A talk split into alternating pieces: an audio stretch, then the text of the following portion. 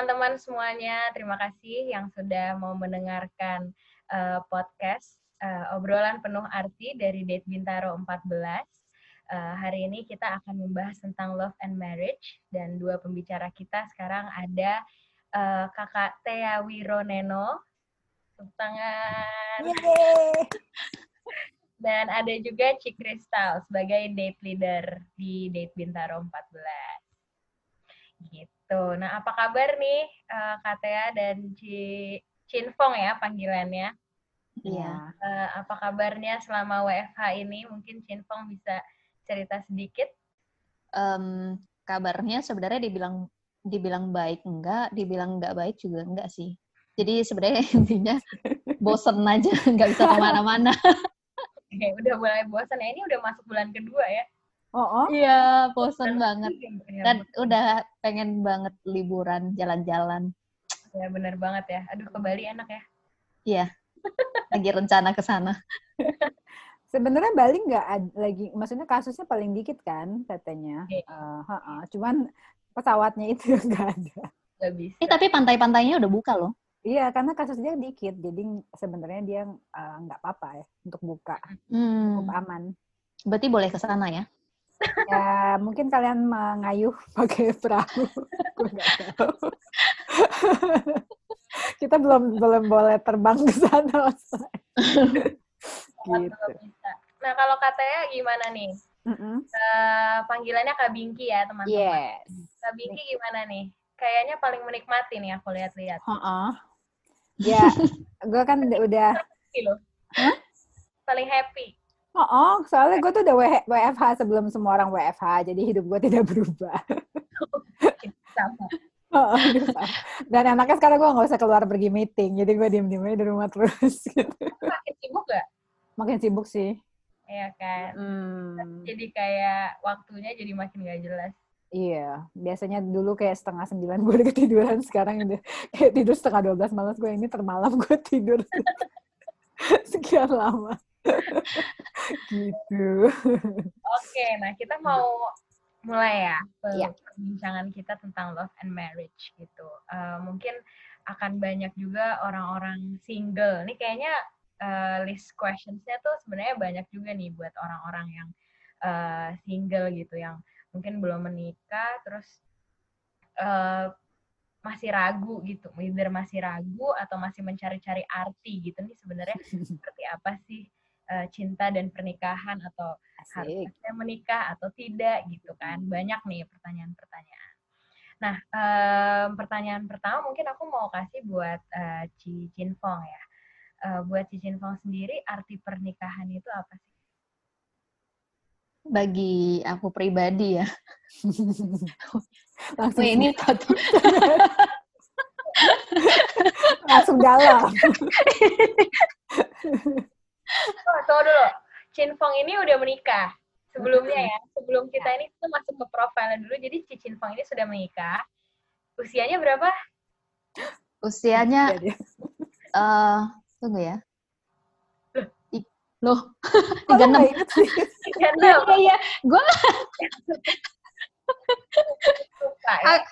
Iya iya, soalnya makin makin ke sini makin males sebenarnya inget inget iya, umur sih. Selalu berada, berasa berasa muda. Ya. Oh, hebat. Nah, kalau uh, yang satu lagi Kak Tea panggilannya Kak Bingki. Kak Bingki uh, ini masih single hmm. yang sangat secure. secure woman ever. Usia berapa kak? Usia?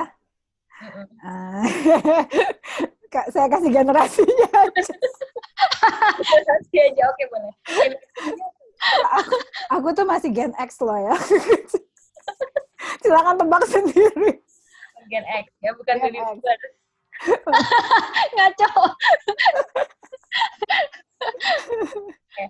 jadi berada di kisaran Gen X. Berada di kisaran Gen X. Oke, okay. nah jadi uh, ini maksudnya teman-teman bisa mendapatkan perspektif dari uh, dua perspektif gitu ya, uh, dari yang sudah menikah dan yang single gitu, dari yang single dan yang lama, uh, maksudnya cukup lama single juga dan di, di generasi Gen X gitu gimana. Mm -hmm. Kita juga mau belajar gimana sih caranya supaya uh, menjadi pribadi yang secure juga gitu perihal masalah uh, love and marriage ini gitu. Nah oke okay, balik tadi ke pertanyaannya kalau Cicin Fong, what is marriage to you? Uh, sebe sebelumnya mungkin uh, aku cerita sedikit uh, apa ya sebelum meritnya gitu ya sebelum sebelum memutuskan untuk menikah uh, saya tuh orang yang sebenarnya sempat berpikir nggak mau nikah sebenarnya wow. jadi uh, uh, karena uh, apa ya saya misionaris jadinya sering pelayanan terutama sering pergi-pergi ke ke uh, apa ya bahkan ke luar negeri gitu ya kadang-kadang ke ke Pulau Jawa ke ke Kalimantan segala macam. Jadi saya sebenarnya orang yang nikmatin banget masa masa masa belum nikah sebenarnya gitu loh. Jadi uh, aku menikmati apa yang uh, pelayaranku gitu ya panggilan hidupku sebenarnya gitu. Jadi aku sempat berpikir nggak uh, mau nikah gitu. Karena juga beberapa kali sebenarnya aku ngalamin kegagalan juga dalam dalam membina hubungan sebenarnya gitu. Jadi itu yang membuat aku memutuskan untuk udah deh Tuhan, aku menyerahkan hidupku aja untuk untuk Tuhan gitu ya. Jadi aku nggak perlu nikah kayaknya, aku nggak membutuhkan seseorang kayaknya gitu. Hidupku lebih bebas aja, aku berpikir seperti itu sih. Nah sampai akhirnya uh, sebenarnya aku menyadari kalau uh, aku kayaknya akan lebih maksimal ketika aku menikah aku nggak tahu gitu ya. Cuman aku ngerasain kalau aku membutuhkan uh, seseorang, seorang partner gitu ya, yang hmm. akan berjalan bersama dengan aku gitu ya seumur hidup gitu sambil uh, menjalani visi yang Tuhan kasih dalam kehidupanku sih dan pada akhirnya aku menemukan seseorang itu dan aku ngeliat gimana perubahan yang terjadi gitu ya ada ada hal yang di mana ketika aku sendiri gitu, aku sendiri atau misalnya aku berdua gitu itu ada ad, uh, aku ngelihat uh, gimana ya kayak kehidupanku lebih lebih maksimal aja sih sebenarnya kayak panggilan hidupku mungkin sebelumnya aku cuman bisa mencapai ini gitu. Aku nggak nyangka ketika udah nikah ternyata aku bisa melakukan jauh lebih banyak daripada sebelum aku nikah gitu loh. Jadi aku ngelihat gimana sebenarnya firman Tuhan bilang juga kalau ada yang bilang juga sebenarnya firman Tuhan bilang gini, satu orang memenangkan seribu, tapi dua orang memenangkan sepuluh ribu. Jadi bukan sebenarnya di sini kenapa satu orang itu uh, memenangkan seribu, harusnya dua itu seribu tambah seribu harusnya dua ribu gitu. Hmm. Tapi kenapa dia bilang dua orang itu memenangkan sepuluh ribu? Berarti itu uh, melampaui kapasitas kita. Yeah ada sinergi yang terjadi gitu loh ketika kita uh, ada seseorang yang yang satu visi dengan kita uh, melakukan hal-hal uh, yang Tuhan kasih gitu ya, yang Tuhan taruh di hati kita. Dan itu uh, terjadi sinergi itu yang yang membuat kita lebih maksimal sih. Oke, jadi bisa dikatakan bahwa pernikahan buat Cicin Fong itu merupakan suatu sinergisitas untuk menuju uh, kepada uh, visi yang lebih besar dan pencapaian yang lebih besar lagi gitu ya. Jadi yeah. dua bisa saling kerjasama untuk mendapatkan suatu hal yang lebih besar uh, tentunya juga sesuai dengan visinya Tuhan gitu ya untuk yes. mencapai mencapai pekerjaan apa yang Tuhan mau dilakukan gitu ya berdua. Yeah. Hanya mungkin cukup penting bukan mungkin tapi udah satu hal yang pasti cukup penting untuk memiliki pasangan yang satu visi. Yes, ya, betul, betul, betul. Hmm, Oke, okay. nah uh, kita sekarang ke Katean dengan pertanyaan yang sama. Sebagai seorang single, yeah. Bagaimana Anda melihat sebuah sebuah oke, okay, sebuah pernikahan? Uh-huh. Apa makna pernikahan dan ya how do you see it gitu? Hmm. Oke. Okay. Terus tulis sih dulu sih gue nggak nggak ini ya, I didn't believe in marriage sih sebenarnya waktu masuk terutama ya maksudnya waktu umur 20-an gitu emang gue udah memutuskan gue nggak pengen nikah. Karena tapi dulu tuh alasannya adalah ya gue nggak percaya aja sama institution of marriage itu. Ya ya karena gimana ya mungkin karena gue kan um, orangnya pada dasarnya cenderungnya lebih lebih posi uh, bukan positif terbalik. Cenderungnya lebih pesimis gitu kan orangnya. Hmm. jadi gue tuh agak cynical gitu kalau ngelihat hidup dan gue lihat ini kan maksudnya kan yang dibilang statistiknya 50 50 50 ya like 50 50 chance gitu kan marriage itu survive gitu. Jadi gue yang ya ngapain juga ya kalau maksudnya kayak gue tuh nggak akan main saham karena um, itu volatil banget gitu kan nggak ketahuan nih gitu kan nggak ada jaminan nggak ada garansi ya itu gue gue biasanya males ngambil resiko yang kayak gitu. Jadi dulu sih gue bilang ah, ya marriage cuma statistiknya 50-50 ya itu itu bukan sesuatu yang gue pengen jalankan gitu. Tapi kalau sekarang um, bukan berarti gue memutuskan gue mau married or anything tapi sekarang gue lebih um, I see it more as a, a partnership sih sama seperti tadi Chin Fong bilang gitu bahwa ya kalau lu menemukan orang yang memang satu visi, satu purpose dan lu merasa lu bisa ya itu bersinergi gitu, become like partners, ya udah mm-hmm. gitu loh. Ya yeah, why not gitu kan sama jadi gue juga sekarang gue tidak menutup oh enggak gue nggak bakal kawin gitu kan karena ya apa itu institusi yang yang nggak bisa dijamin or whatever enggak gitu karena itu ternyata bukan masalah institusinya tapi masalah orang-orang yang berada di dalam situ kan dalam pernikahan. Jadi ya kalau sekarang gue liatnya it is a partnership. Ya sama aja dah sama seperti kayak business partnership atau apa. It is a partnership dan itu yang penting ya you have the same purpose punya visi yang sama dan ya, ya, ya suka juga gitu. Jadi ada attraction juga jadi yeah, tiga-tiganya. Yeah. nah itu bisa gitu loh. Tapi tapi kalau gue nggak nemu semua itu gue juga nggak mau maksa jadi hmm. itu nggak akan ditentukan sama umur gue berapa atau sama ya maksudnya misalnya gue ketemunya baru umur 75 dan, dan gue ternyata mati umur 80 ya nggak apa-apa juga gitu. Cuma lima lima tahun lima tahun lah gue tahu. Ya gitu. Jadi tau kan? Jadi nggak nggak masalah juga gitu. It's not about apa uh, kapan atau gimana. Tapi yang penting adalah kalau gue udah menemukan orang yang punya purpose dan visi yang sama dan gue merasa ya kita memang menuju ke yang sama kita bisa bersinergi dan ya itu bisa dari saat apa Eh, satu tambah satu jadi sepuluh ribu apa yang tadi Chin Fong bilang itu gitu. Mm-hmm. Baru itu yang yang akan bikin gue yang oke okay, ya gue akan gue mau, mau untuk uh, married. Tapi kalau enggak ya sekarang pun gue merasa eh gue udah bisa melakukan cukup banyak sebagai single gitu. Itu nggak menutup gue maksudnya nggak berarti sebagai orang single gue nggak bisa efektif nggak berarti gue hmm. sebagai orang single gue nggak bisa melayani Tuhan dengan baik dan gue nggak berarti sebagai orang single gue nggak bisa apa accomplish a lot of things gitu loh. Hmm. A aku uh, aku setuju banget sih. Aku aku nyambung aja ya.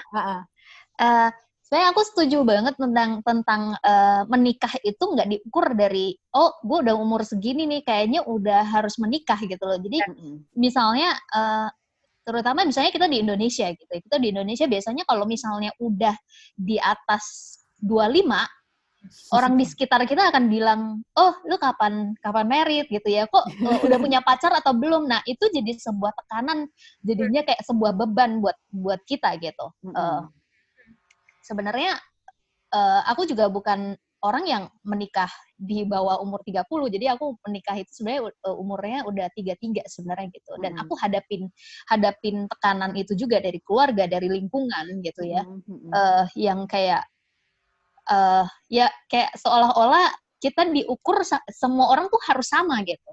Nah, kita nggak bisa mengukur diri kita dengan orang lain. Ada orang yang memang dia umurnya 23, dia udah nikah gitu.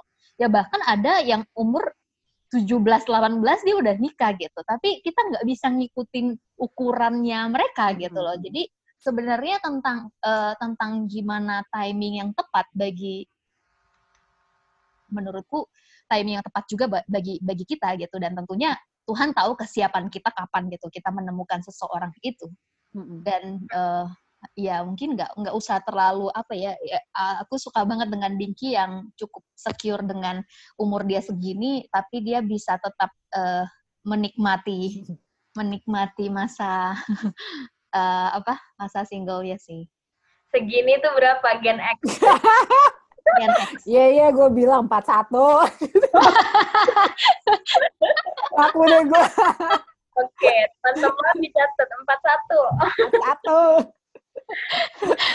Melihat ya dari umurnya dan security yang dia punya dalam dalam dirinya tuh kuat banget. Dan aku juga benar sih sama kayak Cicin Pong, setuju banget sama pernyataan Kak Bingki. Dan aku juga senang maksudnya Kak Bingki juga punya perspektif yang cukup unik gitu ya di saat mungkin kalau uh, generasi aku uh, banyak yang kayak oh dari umur 17 18 aja atau 20-an tuh justru really believe in marriage dan wah, dan segala macam. Tapi justru Kak, Kak Bingki tuh punya kehidupan yang yang cukup terbalik gitu. Mm-hmm. Cukup terbalik yang justru dia awalnya nggak believe dalam apa namanya institution ya. Tapi uh, bisa renew your mind gitu. Mungkin aku mau tanya sedikit nih sama Kak Bingki apa yang membuat Kak Bingki pada akhirnya bisa renewing your mind gitu? Karena memang uh, satu hal yang aku percaya juga sih ketika kita semakin dekat sama Tuhan juga pasti uh, apa namanya Tuhan yang pertama yang dia mau lakukan adalah renewing our mind. Yeah, yeah. Mm-hmm. Apa yang di Alkitab bilang gitu. Nah, mungkin Kak Bingki bisa sedikit menceritakan gitu tentang prosesnya mm-hmm. sehingga bisa punya pemikiran yang berubah drastis seperti itu gitu. Hmm, ya dulu aku, jadi aku tuh kan of course um, karena mungkin karena ngelihat pernikahan orang tua sendiri terus uh, ngelihat juga banyak kan di di sekitar uh, aku yang aku lihat pernikahannya tuh berantakan dan itu kayak um, jadi bikin kayak gimana ya kayak kayak trauma sendiri gitu kan. Jadi kayak ah, gue nggak mau ah kayak gitu gitu kan. Saking nggak maunya sampai jadinya akhirnya oh gue nggak percayalah ini kan gitu lah tapi ya itu ya itu benar sih seperti yang tadi lu bilang gitu bahwa semakin lu dekat sama Tuhan semakin lu mengenal Tuhan you understand the truth gitu kan. Dan mm-hmm. aku mm-hmm. ingat waktu itu aku uh, sama um, Pak Ian Fail yang kalau kalian ada yang tahu mm-hmm. ya, dulu ngajar di Per Bible. Nah, aku kan nanya gitu kan ya soal marriage gitu kan. Terus aku bilang, "Iya, tapi gimana ya maksudnya it's hard gitu kan buat aku untuk untuk really believe in marriage gitu kan gitu karena uh, kenyataannya ya banyak banget yang fail terus dia bilang terus dia bilang tapi kan the, apa marriage-nya sendiri itu kan nggak apa-apa karena marriage itu kan dari Tuhan dia bilang gitu. And it is good gitu kan dan Tuhan menciptakan marriage itu uh, it is a good thing gitu kan. Uh, dia kasih ayatnya seperti biasa lah Pak Ian selalu bawa ke Alkitab. Bilang tapi yang salah yang menapa marriage-nya even marriage pertama pun udah nggak happy. Itu marriage Adam dan Hawa itu kan nggak happy terjadi pada saat uh, apa mas dosa masuk kan jadi bisa jadi bisa dibilang pada saat manusia jatuh itu um, mereka berdosa di situ mereka pernikahannya mulai mulai ya mulai gonjang ganjing kan karena ya Adam mulai nyalain Hawa gitu kan. Nah itu kan udah udah udah ada udah ada cracks on their marriage tapi itu kan disebabkan sama dosa. Jadi dia bilang ya sebenarnya yang membuat marriage itu uh, tepat tidak berhasil itu bukannya bukannya marriage-nya sendiri. Marriage-nya sendiri nggak itu di, diberkati sama Tuhan. Tapi orang-orang yang di dalam marriage itu kita adalah orang-orang berdosa. Gitu. Jadi ya kembali um, bukan masalah marriage-nya. Jadi kalau lo yang udah menolak dari marriage-nya ya itu namanya ya lo sama-sama aja gitu. Jadi kita kayak operating out of fear, operating out of hurt gitu kan. Nah, jadi pas lagi aku dapat itu aku yang oh iya benar juga sih, bukan lama-lama dan aku lihat Habis itu aku lihat pernikahan pernikahan itu karena karena itu jadi aku memperhatikan juga pernikahan yang berhasil hmm. gitu. Jadi tadinya kan udah ngambil point of view di mana ya pernikahan tuh akan selalu gagal tapi tapi kan kenyataannya kan ada yang berhasil hmm. biar, biar kata 50-50 yang ada yeah. juga ya 50% yang berhasil yeah. dan aku start focusing justru aku mulai focusing sama yang berhasil Terus aku iya. lihat hmm. ternyata hmm. perbedaannya yang berhasil sama yang sama yang gagal bukannya challenges-nya, bukannya apanya, bukannya karena mereka sama-sama lama atau apa, ya, tapi karena orang-orang di dalamnya gitu. Apa seberapa yeah. committed mereka satu sama lain, seberapa mereka mau saling memaafkan, saling ya pokoknya itulah mereka saling mau menjaga itu dan ya akhirnya aku bilang oke, okay, berarti aku nggak bisa lagi menyalahkan satu institusi itu gitu loh. Ya lama-lama aku berubah juga gitu kan. Karena itu jadi aku sekarang karena dulu tuh ya beneran dan gue kalau ada ada orang yang bilang aduh kapan sih gue nemu laki yang gue tuh yang langsung aduh ngapain sih aku kawin? Gitu langsung kayak kayak I try to steer them away from the idea tapi lama-lama juga kayak gue kayak kedengerannya kayak itu ya kayak orang bitter banget gitu kan. Padahal gue belum even pernah mengalaminya gitu kenapa gue bitter sendiri gitu. Jadi akhirnya itulah gue jadi belajar gitu bos sekarang kalau ada yang mau merit kalau emang dia udah menemukan pasangan yang yang sepadan dan yang punya satu visi dan emang dia mengerti banget purpose-nya marriage apa dari marriage dia I'm really happy for them gitu kan dan akan gue dukung gitu. Nah, yang gue nggak dukung adalah kalau dia cuma marriage just cause. Hmm. Iya hmm. karena ah tapi udah umur segini ya sudahlah sama siapa aja lah gitu. Ah itu gue nggak dukung. Gitu. Hmm. Tapi yang yang Iya iya. gitu. Setuju sih sebenarnya okay. banyak orang yang nikah karena uh, apa ya? Karena kesepian. Mm -hmm. Karena dia ngerasa dia akan bahagia ketika dia menikah. Uh, terus mungkin juga banyak yang nikah ya, ya karena kayak tadi kayak karena karena umur tadi gitu ya. Hmm. Terus ya ada yang nikah juga karena cuman cinta aja. cinta yang maksud gue sebenarnya nggak masalah sih. Memang kita juga membutuhkan cinta karena hmm. kita uh, apa ya manusia yang punya perasaan kan gitu kan. Yeah. Kalau misalnya gini, kalau kalau pernikahan tadi kan sebenarnya alasan menikah itu ya uh, bagi aku pribadi gitu ya itu untuk uh, karena karena visi gitu loh karena karena ada tujuan sebelumnya aku akan aku akan uh, apa ya memastikan sebenarnya uh, ya pernikahan itu punya tujuan kalau seandainya nggak punya tujuan nggak satu visi apa segala macam gitu ya hmm. jadi sebenarnya bagiku pernikahan meaningless gitu jadi hmm. nggak ada nggak ada arti apa apa gitu tapi juga bukan berarti kita nggak membutuhkan namanya love itu gitu loh. Yeah. Iya. Uh, tapi aku mau bilang kalau uh, cinta aja tuh nggak cukup gitu untuk membangun pernikahan. Makanya kenapa banyak pernikahan hancur, banyak pernikahan yang uh, akhirnya berujung dengan perceraian karena pada akhirnya kar mereka menikah karena cinta. Pada akhirnya cinta itu hilang dan pernikahan itu hilang juga itu selesai juga gitu. Karena ditanyain kenapa? Aku udah nggak cinta sama kamu. Terus karena aku udah cinta sama orang lain. Ya nggak heran karena dia nikah karena cinta. Dasarnya cuma cinta doang gitu loh.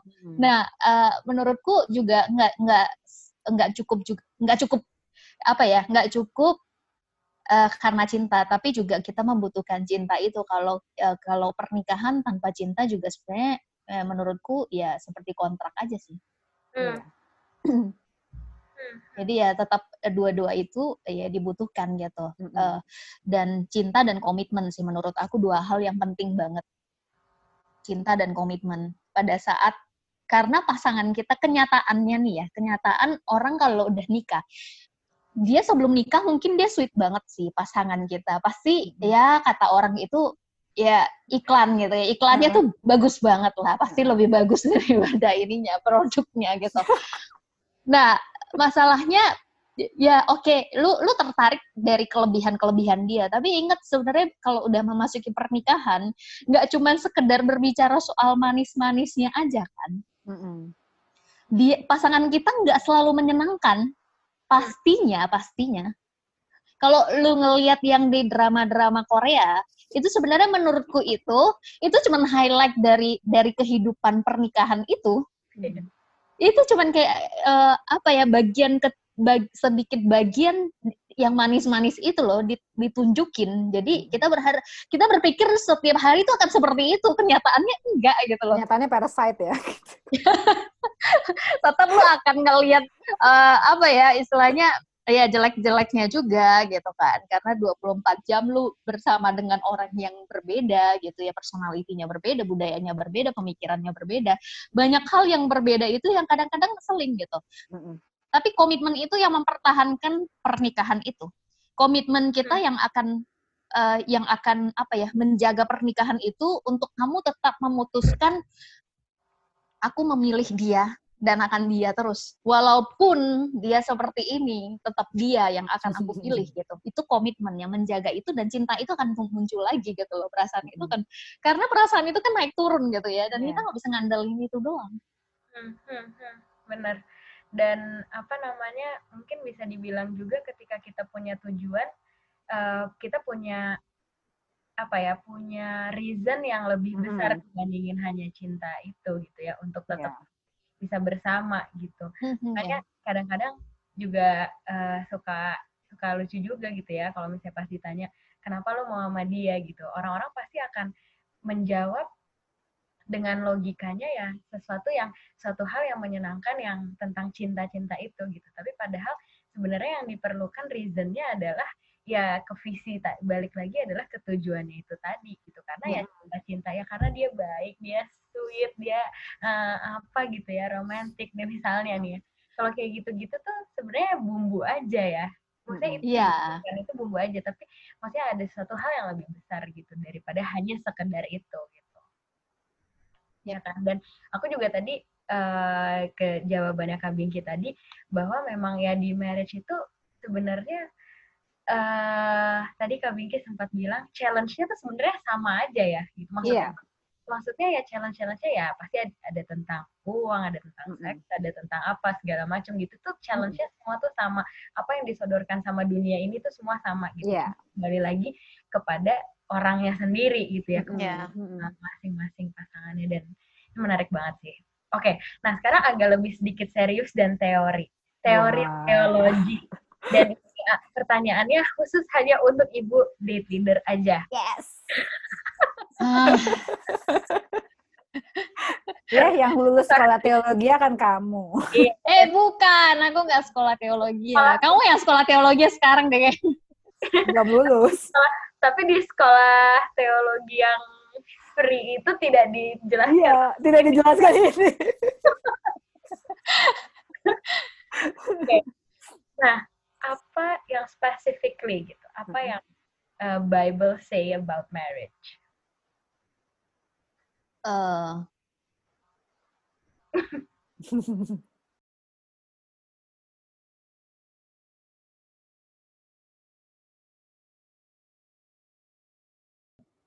Sebenarnya pernikahan pernikahan itu adalah idenya Tuhan sih. Itu pertama kali adalah di Adam dan Hawa gitu ya, di mana sebenarnya waktu itu Adam Adam sendiri gitu Adam sendiri terus dia ya punya aktivitasnya setiap hari gitu salah satunya dia memberi nama kepada eh, hewan-hewan uh, yang ada gitu. Terus sama dia yang uh, apa ya ya sibuk dengan pekerjaan dia mungkin ngurus ngurus ngurus apa ya ngurus ngurus tamannya gitu. Sampai ada satu hari Tuhan bilang sama dia kalau eh, nggak uh, baik manusia itu seorang diri uh, dia bilang aku akan memberikan penolong bagi kamu gitu uh, waktu itu uh, Tuhan bilang sama sama Adam. Dan Adam nggak meminta itu sebenarnya. Adam nggak pernah hmm. bilang sama Tuhan gue butuh seseorang nih gitu ya. Tapi hmm. Tuhan tahu.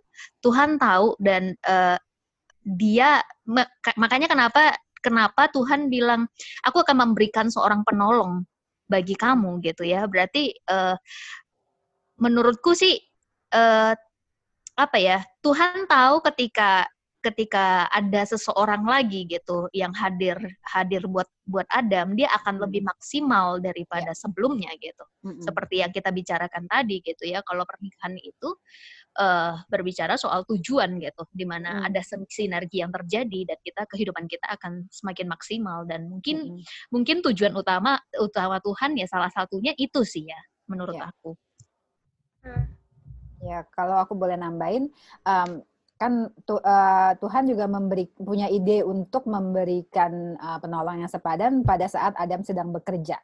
Bekerja di uh, di Taman Eden itu kan. Jadi pada saat dia, dia ya seperti Chen Fong bilang tadi kan dia tidak meminta dia sibuk bekerja. Pada saat dia sibuk bekerja Tuhan tiba-tiba berpikir hmm kayaknya ini akan lebih uh, hmm. lebih wow lagi nih gitu kan. Dia akan dia dia akan he will go much faster akan lebih lebih jauh lebih bisa bisa accomplish lebih banyak kalau ada ada yang menolong dia gitu ada yang sepadan lagi dan hmm. maksudnya gitu kan yang yang bisa jadi partner dia gitu dan kenapa juga kenapa justru uh, ya aku kadang-kadang suka berpikir gitu karena kan kadang-kadang um, kita sebagai perempuan suka disalahin ya gitu.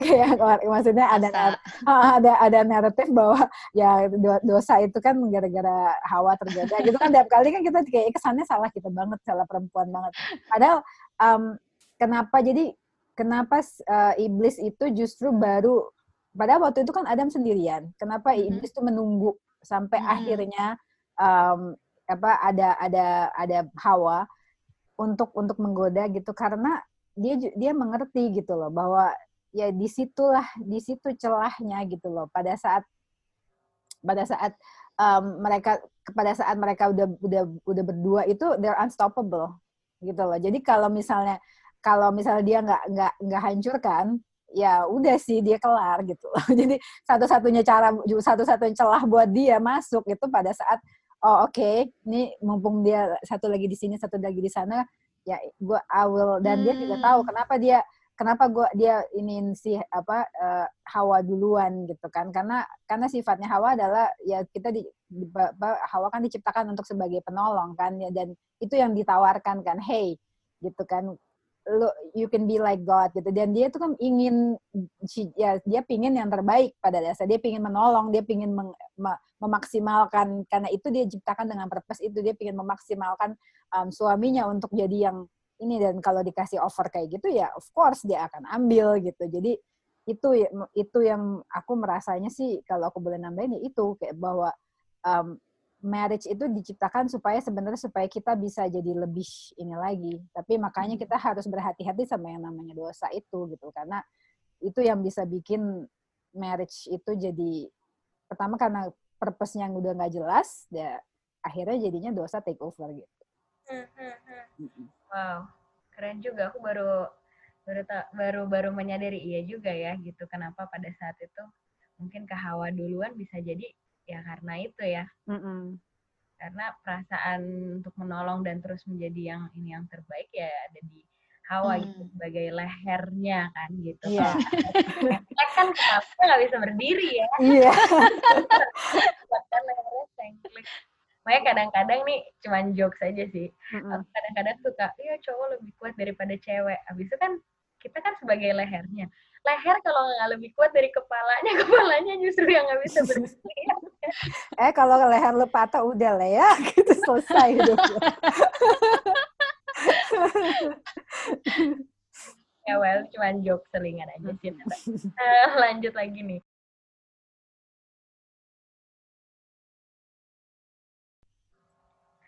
Oke, okay, uh, eh, sekarang mungkin pertanyaannya um, bisa dimulai dari uh, Kak Bingki. Uh, sebagai umat percaya, sebagai umat Kristen, oke, okay, tadi kan kita udah belajar tentang bagaimana dari Adam, mm-hmm. terus udah gitu, bagaimana ketika Adam like, sedang sibuk bekerja, terus udah gitu Tuhan memberikan Hawa, terus yang tadi satu tambah satu jadi berapa? Sepuluh ribu gitu, instead of instead of cuman seribu dan sebagainya uh, segala macamnya lah itu. Nah, oke okay, dari pandangan atau dari background-background yang seperti itu gitu. Mungkin ada orang-orang yang juga cukup penasaran dan bertanya, yang mungkin orang-orang ini adalah orang-orang yang punya pemikiran agak sedikit seperti Kak Binki di zaman yang dulu. Oke. Okay. Yaitu, oke, okay, uh, eh, mereka bisa mungkin bertanya seperti ini, apakah sebagai orang Kristen pernikahan itu wajib? Uh, ya enggak lah, kalau nggak saya udah married. bisa dijelasin gitu ya maksudnya lebih bisa elaborate gitu. Apakah pernikahan ini wajib? Kalau misalnya background ceritanya adalah seperti itu. Kalau iya kenapa? Kalau tidak pun kenapa? Kalau aku sih percayanya tuh wajib sih enggak jadi seperti yang di surat Rasul Paulus kan uh, dia sendiri bilang kan kalau emang lu bisa nggak merit dia ya obviously karena dia nggak merit jadi dia sama seperti gue agak agak-agak menyuruh semua orang tidak merit karena dia pengen ayo semua pelayanan gitu kan. Nah tapi um, jadi jadi kalau dia kan juga bilang kalau kalian bisa untuk uh, tidak merit lebih lebih baik tidak merit dan devote yourself to God gitu kan. Tapi kan uh, dia bilang tapi ya obviously jangan terus lo uh, devote yourself to God, tapi ya lu kayak terbawa hawa nafsu juga dan akhirnya berdosa gitu kan. Jadi kalau dari Pak dia bilang daripada lu berdosa lebih baik lu menikah. Kan? Jadi sehingga sendiri dia sendiri tidak melarang uh, pernikahan. Jadi um, kalau menurut gue sih um, marriage itu yang penting ya itu ya tadi tadi kita ngomongin yang penting purpose-nya tidak wajib untuk married. Kalau ya, lu harus punya purpose yang jelas dari marriage lu dan itu kadang-kadang yang gue sayangkan ter, apa even dari orang Kristen karena nggak ada purpose yang jelas gitu. Dan kadang-kadang even uh, culture orang Kristen justru kita agak di pressure gitu loh. Hmm. karena uh, lo kok udah di gereja lama udah melayani udah ini kok lo masih belum married gitu kan. Dan kayak there is a requirement untuk uh, untuk jadi ya itulah untuk jadi apa apa ya oke okay, sekarang misalnya lu mau melayani dan lu mau full time, lu mau ministry, mau jadi pastor atau mau jadi missionary, akan ada pasti ada gitu di lingkungan Kristen tuh akan ada uh, pertanyaan kok ya tapi kenapa kamu belum mau menikah? Gitu. Apalagi kalau udah seumuran gue gitu pasti akan ada pertanyaan itu. Kamu kok nggak punya suami? Gitu kan kalau kalau perempuan kalau laki kamu kok nggak punya istri? Nanti siapa yang jagain? Nanti siapa yang ini? Gitu. Seakan-akan itu kewajiban padahal enggak hmm. gitu kan. Dan ya kita bisa lihat even di gereja kita aja kan ada yang pastor yang ditahbiskan tapi nggak dia belum menikah. Saya tidak sebut namanya dan which is gue tuh kagum banget sama JPCC karena di banyak banyak juga yang nggak membolehkan kan gitu. Bahwa untuk untuk ada di posisi itu harus udah punya istri atau punya suami. Jadi gue sendiri uh, gue suka sama uh, gereja kita karena kita, uh, itu bukan tidak harus jadi kewajiban. Yang penting adalah kita bisa menjaga diri kita. Kalau kita memutuskan untuk tidak menikah ya seperti Paulus bilang kalau kita memutuskan untuk tidak menikah kita jangan berdosa juga gitu kan tapi kalau kita apa uh, kalau kita mau menikah juga jangan jadikan itu satu-satunya alasan ya supaya gue nggak berdosa. Jadi gue menikah gitu. Nggak jadi harus jelas purpose-nya. Karena kalau cuma untuk menjaga hmm. supaya kita nggak berdosa semakin kita dekat sama Tuhan kita bisa kok menjaga diri kita gitu. In, in, bukan nggak harus kita harus menikah gitu loh. Jadi purpose-nya dulu. Gue mau menikah karena apa? Gue suka waktu itu lo ajak gue ke talk show-nya yang uh, Rita Lukman ya um, dia kan bilang kan dia sendiri dia udah jelas purpose dia dia mau menikah kenapa? Dia pingin punya pernikahan yang bisa jadi contoh gitu kan. Dia pingin punya pernikahan yang uh, memberi contoh buat generasi berikutnya bahwa this is godly marriage. Ya hmm. orang-orang yang seperti itu gue bilang harus menikah gitu. Buat mereka wajib karena mereka purpose jelas banget gitu kan. Dan itu akan memberkati banyak orang. Tapi kalau kalau kayak gue mungkin gue sendiri masih belum jelas kalau gue menikah gue mau jadi apa ya? Apa sih yang mau gue lakukan with my marriage? Nggak jelas gitu loh. Gue tahu apa yang bisa gue lakukan sekarang sebagai gue single. Itu lebih jelas. Nah hmm. kalau gue sekarang menikah nah apakah cuman gara-gara udah wajib apakah ini akan memberkati orang? Belum tentu gitu. Hmm. jadi itu aja kembali back to purpose gitu. Nggak wajib untuk menikah? Nggak. Tapi kalau misalnya lu merasa lu punya strong purpose untuk married dan lu itu bisa memberkati banyak orang, why not? Go ahead. Yeah. uh -uh. Mm -hmm. uh, aku bisa tambahin, mm -hmm. bisa tambahin dikit gitu ya uh, tentang uh, wajib apa enggak gitu ya. Yeah. Menurutku itu Tuhan menciptakan kita juga bukan seperti robot dan Dia memberikan kehendak bebas buat buat kita gitu ya hmm. untuk memilih dan buktinya juga uh, kenapa nggak wajib gitu ya kita ngelihat Tuhan Yesus juga nggak nikah sama Paulus juga nggak nikah gitu ya berarti itu bukan sesuatu yang berdosa gitu tapi hmm. uh, banyak orang yang sebenarnya juga memutuskan uh, kayak kayak si sebenarnya kayak si Paulus itu dia memilih untuk selibat gitu ya namanya selibat hmm. gitu ya dia benar-benar memutuskan untuk nggak nikah dan dia benar-benar orang yang menyerahkan seluruh hidupnya tuh mati-matian untuk Injil gitu hmm. jadi sebenarnya uh, apa ya ya itu panggilan dia gitu loh dan yeah. Tuhan ada anugerah buat dia anugerah khusus buat dia untuk nggak nikah gitu loh dan bener-bener bisa maksimal juga di dalam di dalam panggilan itu gitu. Tapi ada orang yang memutuskan, oh, gue nggak mau nikah deh gitu ya, uh, gue nggak mau nikah gitu. Tapi kadang-kadang uh, apa ya kayak misalnya kayak dulu nih aku nggak mau nikah kenapa kayak Bigi tadi juga bilangnya oh, gue nggak mau nikah dulu sempat bilang karena aku ngelihat uh, ngelihat nggak ada pernikahan yang sukses apa segala hmm. macam gitu. Nah mungkin aku juga salah satunya gitu loh. Waktu hmm. itu aku bilang e, kayaknya aku nggak mau nikah aja deh.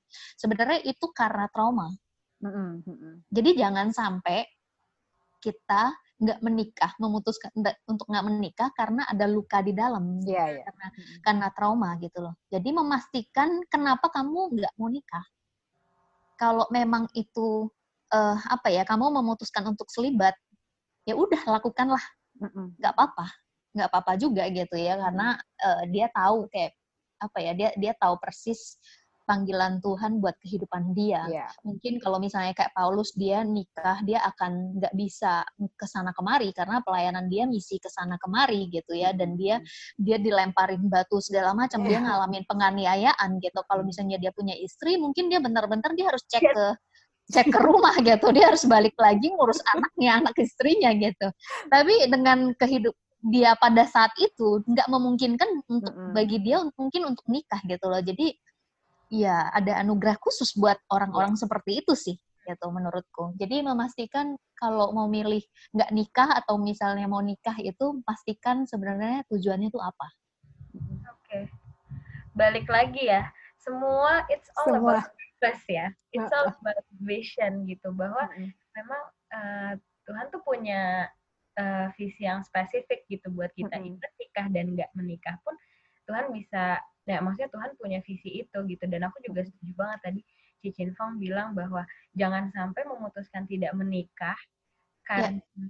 karena sakit hati dan trauma yeah. jangan juga memutuskan menikah karena harus Iya, yeah, ya betul. Kan? Mungkin ini bisa menjadi apa ya? Menjadi break pemikiran orang-orang gitu. Kadang-kadang oh ya gue hidup sekolah STK, SD, SMP, SMA, kelar SMA, kuliah, kuliah, nikah, nikah, punya anak, punya anak, ya kan? Ya, maksudnya uh, hmm. manusia tuh punya budaya cycle of life-nya seperti itu. Yes. Dan kan sebenarnya kita tuh nggak kayak gitu gitu loh. Cycle-nya yeah. kita tuh nggak kayak gitu bahwa kita semua di sini tuh harus berjalan ke satu visi, satu misi yang yang emang Tuhan udah kasih spesifik yeah. hidup kita gitu. Jadi mungkin bisa diambil benang merahnya bahwa whatever apa pun yang mau kita putuskan kembali lagi kita harus um, kepada visinya Tuhan dan jangan pernah mengambil keputusan berdasarkan karena sakit hati. Tadi aku suka banget sih yeah. tentang itu gitu. Banyak banget juga sih aku melihat bahwa orang-orang banyak yang suka kayak gitu. Menikah pun karena sakit hati ada, yeah. ya kan? karena nah, itu ada. Benar, benar. Itu banget gitu mau hmm. pacaran karena gue mau ya kan mau balas dendam atau mm-hmm. semacamnya jadi yang benar-benar punya have a life yang purposeful gitu mungkin yeah. ya bisa mm-hmm. di Iya iya. Aku setuju banget sih sebenarnya uh, sama sama si Cia tentang tentang siklus kehidupan gitu. Mm-hmm. Uh, sebenarnya manusia suka terjebak di dalam di dalam circle itu gitu loh. Mm-hmm. Uh, ya lahir, uh, setelah itu kita sekolah nih dewasa, Mm-mm. udah udah selesai selesai sekolah pasti udah uh, apa karir gitu ya nikah punya anak. anak setelah punya anak ditanyain cucu lu terus aja gitu terus itu ujung-ujungnya ini arisan. Ya, ya udah. Mati. Ya udah uh, mati gitu loh. Jadi cuman sekedar menjalani siklus kehidupan gitu. Mm -hmm. dan apa ya uh, aku pernah ter aku pernah ngalamin ngalamin posisi seperti itu sih sebenarnya di mana sebenarnya aku bertanya sama Tuhan gitu ya. Ini sedikit cerita tentang purpose setiap orang gitu dia nikah atau enggak gitu. Uh, karena menurutku Tuhan menciptakan manusia itu dengan tujuan. Dia hmm. menciptakan pernikahan pun dengan tujuan gitu loh. Jadi hmm. sebenarnya hidup kita ya penuh dengan tujuan gitu loh. Jadi enggak enggak cuma sekedar kita hidup yang penting hidup terus akhirnya tua mati gitu tapi ada ada rencana Tuhan yang harus kita genapi juga selama kita di di dunia ini karena kita hidup sebenarnya sementara doang gitu. Nah, aku pernah ngalamin di mas di masa di mana sebelum sebelum aku mengenal Tuhan sebenarnya, di mana uh, aku ngerasa kok bosen ya kehidupan ini ya. Masa aku cuma ngejalanin siklus kehidupan doang kok gue bosen gitu loh. Tuhan kalau kayak hidup kayak gini mendingan aku mati aja deh daripada gue harus hidup kayak nggak nggak ada tujuan yang ngapain ya. Gitu sampai akhirnya aku menemukan tujuan uh, mengenal Tuhan. Tuhan yang menciptakan kita dan dia yang dia yang apa ya setiap kita unik gitu diciptakan dengan keunikan masing-masing dengan kelebihan masing-masing gitu ya. Dan Tuhan punya tujuan masing-masing atas setiap kita. Dan akhirnya aku mulai ngerasa hidup ini berarti gitu. Jadi nggak cuma sekedar hidup mungkin nggak cuma sekedar bernafas mencapai sesuatu hal apa ya sekedar mengejar materi doang gitu ya yeah. atau atau uh, ya karir terus uh, reputasi lah gitu. Pada akhirnya semuanya akan akan sirna juga kok. Nah, uh, aku bilang ya sebenarnya hidup kita lebih daripada itu dan hidup setiap kita punya tujuannya sih. Yap. Ya, mungkin bisa dibilang benang merahnya pada malam hari ini semua harus tentang purpose ya. Mm-hmm. Harus tentang tujuan, punya hidup uh, selalu yang punya punya tujuan gitu dan apa namanya jangan sampai kita terjebak pada siklus itu tadi ya. gitu. jangan sampai kita terjebak pada siklus kehidupan yang dunia ini ciptakan gitu ya itu kan ya. dunia ya yang menciptakan siklus mm -hmm. itu gitu ya walaupun memang ya secara mungkin secara psikologi ya perkembangan manusia oke okay, kita dilihat oke okay, perkembangannya sampai di mana uh, secara psikologisnya juga ada siklusnya gitu tapi tentang hmm. kehidupan itu sendiri jauh lebih besar daripada yeah. Yes. uh, itu tadi siklus itu tadi gitu menarik banget nah ini pertanyaan terakhir ya pertanyaan hmm. terakhir untuk dua-duanya dan uh, pasti biasanya banyak banget yang dengerin tadi kembali lagi biasanya single-single ya dengar tentang ini. Jadi sekalian pesan juga nih. Hmm. Gitu. Nah, ketika kita masih dalam uh, apa namanya state uh, stage uh, single ini gitu. Hmm. Uh, apa aja sih yang mesti kita persiapkan gitu seorang single untuk pada akhirnya kita bisa uh, have a life yang purposeful gitu dan pada akhirnya membuat kita nanti bisa memutuskan untuk menikah atau tidak gitu mungkin uh, ada tips atau ada masukan atau ada apa pun gitu yang mau ditambahkan dan diberikan gitu kepada para single-single ini. Oke. Okay. Siapa dulu? Uh, Kak Chin Pang dulu deh. Oke. Okay. Oke. Okay. Uh, eh, sebenarnya hal yang harus di, dipersiapkan ya uh, tentang sebenarnya kita nggak jadi orang yang cuma sekedar kita menunggu kapan ya kapan ya uh, apa seseorang itu akan datang gitu ya uh, dalam dalam penantian itu sebenarnya tetap kita harusnya kita karena Tuhan menciptakan tujuan tadi kan pada setiap pribadi. Jadi sebenarnya kita sendiri juga punya tujuan sendiri kan. Mm-mm. Terus pada akhirnya kita ketemu orang yang satu satu tujuan itu gitu loh berjalan bersama dengan kita gitu kan. Nah, sementara kalau kita sendiri ya udah kita mencari melakukan aja bagian kita untuk saat ini di mana kita menjalani kehidupan kita semaksimal mungkin berjalan bersama dengan Tuhan gitu dan di masa-masa sebenarnya menurutku eh, masa single adalah masa di mana Tuhan mempersiapkan kita sih mempersiapkan mempersiapkan pribadi kita gitu ya. Semakin serupa dengan dia dan kes, uh, kedewasaan kita dia dia akan semakin menuntun kita kepada kedewasaan itu karakter kita atau segala macam gitu ya. Sampai pada akhirnya dia tahu waktu yang tepat dia akan mempresentasikan orang yang tepat itu menghadirkan orang tersebut dalam kehidupan kita dan kamu akan tahu gitu ya kamu akan tahu uh, dia orang yang tepat apa bukan. Karena Tuhan hmm. juga kasih kasih kayak uh, ada clue-nya di dalam di dalam Alkitab sebenarnya harus -hmm. seperti apa gitu ya -hmm. uh, dan sebenarnya kalau untuk aku sih ya udah uh, nikmatin aja keseharian kita gitu loh. Banyak orang yang kayak stres banget kapan ya datang ya seorang seseorang itu? gitu. Nah kayak Bengki kan dia sampai titik di mana sekarang pun dia maksimal banget kehidupan dia gitu loh. Dia tetap melakukan kehidupan dia, dia bisa bisa menjadi berkat buat banyak orang gitu. Dia tetap tahu tujuan hidup dia apa gitu. Makanya dia enjoy uh, kesendirian dia untuk saat ini gitu bersama dengan Tuhan gitu kan ya. Hmm. Nah, terus sebenarnya kalau misalnya untuk uh, untuk uh, mungkin pesan pesan dari aku sih sebenarnya hal yang terpenting gitu ya tadi sempat kita bahas tentang uh, salah satu salah satu tolak ukurnya sebenarnya apa sih seseorang itu gitu ya.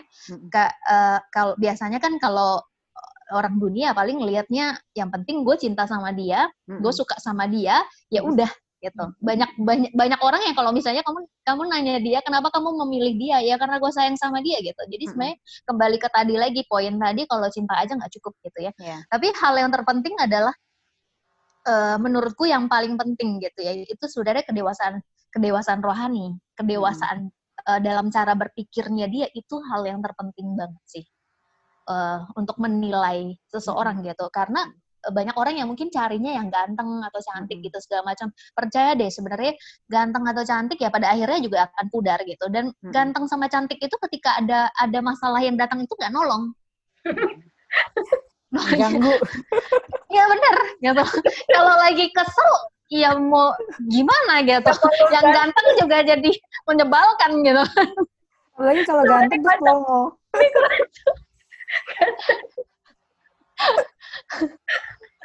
Iya, jadi jangan cuma diukur dari sana. Ya boleh sih cari yang ganteng, tapi juga ya bagus uh, ininya juga dewasa cara berpikirnya juga gitu kan seorang yang udah udah dewasa rohani gitu hmm. sepadan kan kata firman Tuhan kan jadi yeah. ya jangan jangan sampai yang uh, uh, misalnya oh ya udah nggak apa-apa deh gitu kan nanti dia lama-lama juga uh, percaya Tuhan kok apa segala macam gitu kan ya uh, uh, jangan jangan uh, apa ya menurutku sih jangan dilihat dari sana sih gitu yeah. Iya. uh, terus ya uh, terus yang kedua ya tetap kembali ke visi tadi punya visi yang sama. Supaya kita bisa lebih maksimal aja sih visi dia sama visi kita digabungin gitu ya. Mm-hmm. terus uh, terjadi sinergi itu gitu. Terus panggilan Tuhan akan jauh lebih besar daripada daripada ketika kita sendiri sih. Ada yeah. ada rencana Tuhan yang jauh lebih besar daripada kemampuan kita sendiri gitu loh. Jadi ada tempat yang akan kita pergi juga. Nggak bisa mungkin ada tempat apa ya ada sebuah tujuan yang nggak bisa kita capai sendiri. Tapi ya bersama dengan pasangan itu mungkin kita bisa mencapai ke sana sih. Itu dari aku. Yeay. Yeay. Datang atau cantik nggak bakal nolong nanti kalau ada masalah. Ingat itu. Take away dari malam ini. Oke, apa kak? Hmm, kalau gue sih cuman ya pokoknya selama yang gue suka uh, selama ini selama gue single ini yang paling gue suka uh, dari yang gue pelajari itu gue dapet quote dari Lisa Bevere um, soal singleness. Dia bilang singleness is not a season of waiting, it's a, it's a season of doing. Dan hmm. itu gue suka banget karena hmm. kebanyakan tuh even di di kalangan Kristen pun kita kayak disuruh nunggu gitu kan jadi hmm. kayak kita nggak boleh memaksimalkan diri kita kayak nunggu nunggu nunggu itu doang nunggu pasangan kamu dateng gitu kan. Kayak akhirnya kan jadi kayak ya nanti kalau kamu udah terlalu sibuk uh, nanti malah nggak ketemu gitu kan. Jadi kayak kayak gitulah. Ada ada ada kayak gitu. Padahal enggak gitu kan. Jadi kalau misalnya kayak uh, ya gitu um, lo merasa terpanggil untuk membantu orang-orang di Sumba lo mau uh, membangun uh, safe house di sana dan apa jangan jangan merasa oh tapi kalau gue sibuk di Sumba nanti ya, tiba-tiba pasangan gue datang ke Jakarta gue gak ketemu. Jangan gitu.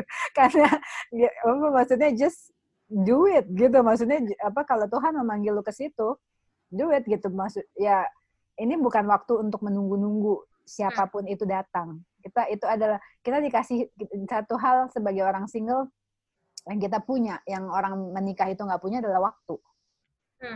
Kita punya waktu yang kita nggak nggak harus bagi dengan dengan siapa pun. Maksudnya dengan dengan pasangan kita kan, kita nggak harus bagi itu.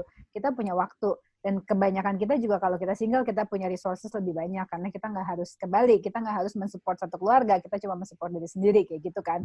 Nah itu itu semua yang bisa kita manfaatkan untuk lebih memaksimalkan kita bisa do whatever it is yang yang Tuhan taruh dalam hati kita. Jadi jadi don't wait gitu. Itu sih pesan gue tuh terutama itu don't wait single tuh bukan waktunya untuk nunggu-nunggu gitu kan untuk untuk put your plans on hold karena nanti tunggu kalau gue udah dapet suami oh gue akan maksimal banget. Enggak lu udah bisa maksimal sekarang gitu kan. Tapi nanti kalau pada saat lu maksimal itu that's mungkin juga itu adalah waktu di mana Tuhan akan bilang eh ini udah keren banget gue mau bikin dia tambah lebih keren lagi. Sekarang waktunya dia ketemu sama orang yang juga lagi melakukan. Karena kalau lu nggak ngerjain purpose of God dalam hidup lu gimana lo mau ketemu orang yang yang akan mengajarkan purpose yang sama gitu kan kan kalau if you're not there lo cuma nunggu di pinggir jalan ya gimana lo akan menemukan gitu kan orang itu gitu ya mendingan jalanin aja dan kalau ternyata lo udah segitu hebatnya dan segitu maksimalnya uh, Tuhan merasa ya ini nggak perlu juga sih nggak apa-apa gitu loh dan tapi juga lo nggak akan merasa ada yang kurang dari hidup lo even lo tetap single. Yeah. Lo akan yeah. tetap happy gitu lo akan tetap merasa gue bisa do so much gitu kan karena ya karena lo nggak pernah menunggu menunggu dikirimin nama Tuhan gitu kan hmm. menunggu menunggu siapa ini gitu kan apa yang mm-hmm. yang datang naik kuda putih gitu kan yang menyelamatkan aku gitu. Eh, sebenarnya menarik menarik sekali kalau karena Tuhan tuh uh, apa ya eh, kita disebut mempelai Kristus kan ya uh, itu menarik sekali sih sebenarnya kita mempelai itu sebenarnya sebelum dia kayak uh, sebelum dia memasuki pernikahan gitu ya. Kita kan disebut mempelai nih. Nah, biasanya kan kalau kita jadi mempelai itu kita akan mempercantik diri, luluran gitu segala macam gitu ya secara fisik gitu kan ya. Nah, kalau kita mempelai Kristus sebenarnya kita disebut mempelai Kristus adalah makanya semakin hari kita semakin berjalan di dalam yeah. keserupaan dengan dia gitu. Terus uh, jadi sebenarnya ini lebih ke uh, di dalam sih sebenarnya kecantikan dalam inner inner beauty gitu ya. Hmm. Kita fokusin ke sana. Uh, sebelum semak, sebenarnya semakin kita kita semakin serupa dengan Kristus, kita akan menjadi pasangan yang didambakan sama hmm. sama manusia sebenarnya. Yeah. Tapi kuncinya ya sebelum menikah itu ya udah uh, apa ya uh, kamu menemukan pangeran surgawimu sih sebenarnya kita kita kenal Tuhan yang adalah pangeran surgawi kita kita mengalami cinta itu kepenuhan itu di dalam dia gitu kan mm-hmm. terus kita juga semakin diubah eh, ubah semakin serupa dengan dengan gambarannya maka kita akan semakin disukai sama orang-orang di sekitar kita dan pasti yeah. uh, cowok atau eh pria atau wanita pasti dia yang semakin serupa dengan Kristus otomatis dia akan menjadi dambaan sih. Betul. Yeay. Yeay. Mari tepuk tangan. Banget uh, Kak Bingki, Cicin Fong untuk yang obrolan penuh arti yang pertama ini. Yeay. Nah, episode 1 ya? Episode 1. English episode 1. Cie. Cie. Semoga apa yang disampaikan pada malam hari ini menjadi penguatan, menjadi berkat, dan bisa menjadi apa ya, uh, membantu teman-teman untuk bisa melihat lebih clear lagi gitu tentang the purpose of marriage ini gitu, tentang love and marriage bahwa sekali lagi uh, diingatin lagi, disampaikan lagi bahwa semua adalah tentang purpose all ya. about yeah. purpose mau kita single mau kita double ya kan asal jangan triple ya bahaya mau kita single mau kita punya pasangan uh, kita harus assured bahwa kita puas dengan hidup kita kita happy kita joyful gitu mm -hmm. karena uh, ada kedamaian juga di situ karena memang itu aku juga percaya bahwa kedamaian itu yang menjadi satu tanda juga ya Tuhan mm -hmm. uh, ngomong sama kita tuh melalui perasaan damai yang ada di kita gitu. Yeah. Bahwa memang apa pun yang menjadi uh, apa namanya pilihan hidup kita uh, pastikan bahwa kita sesu menyesuaikan itu dengan uh, apa yang Tuhan mau gitu tujuan. Yeah. Setuju. Aku kasih quote terakhir. Boleh banget sebenarnya pernikahan itu bukan untuk membuat kita bahagia. Tapi pernikahan hanyalah menambah kebahagiaan yang sebenarnya kita udah punya sebelum kita menikah. Keren banget kuat oh, oh, setuju setuju. Benar. Sampai nyatet nih, tapi menambah kebahagiaan ya. Iya. Wah, keren keren. keren. Oke, kalau gitu teman-teman semuanya terima kasih yang sudah mendengarkan dan sampai jumpa di obrolan penuh arti berikutnya. Dah. Dah.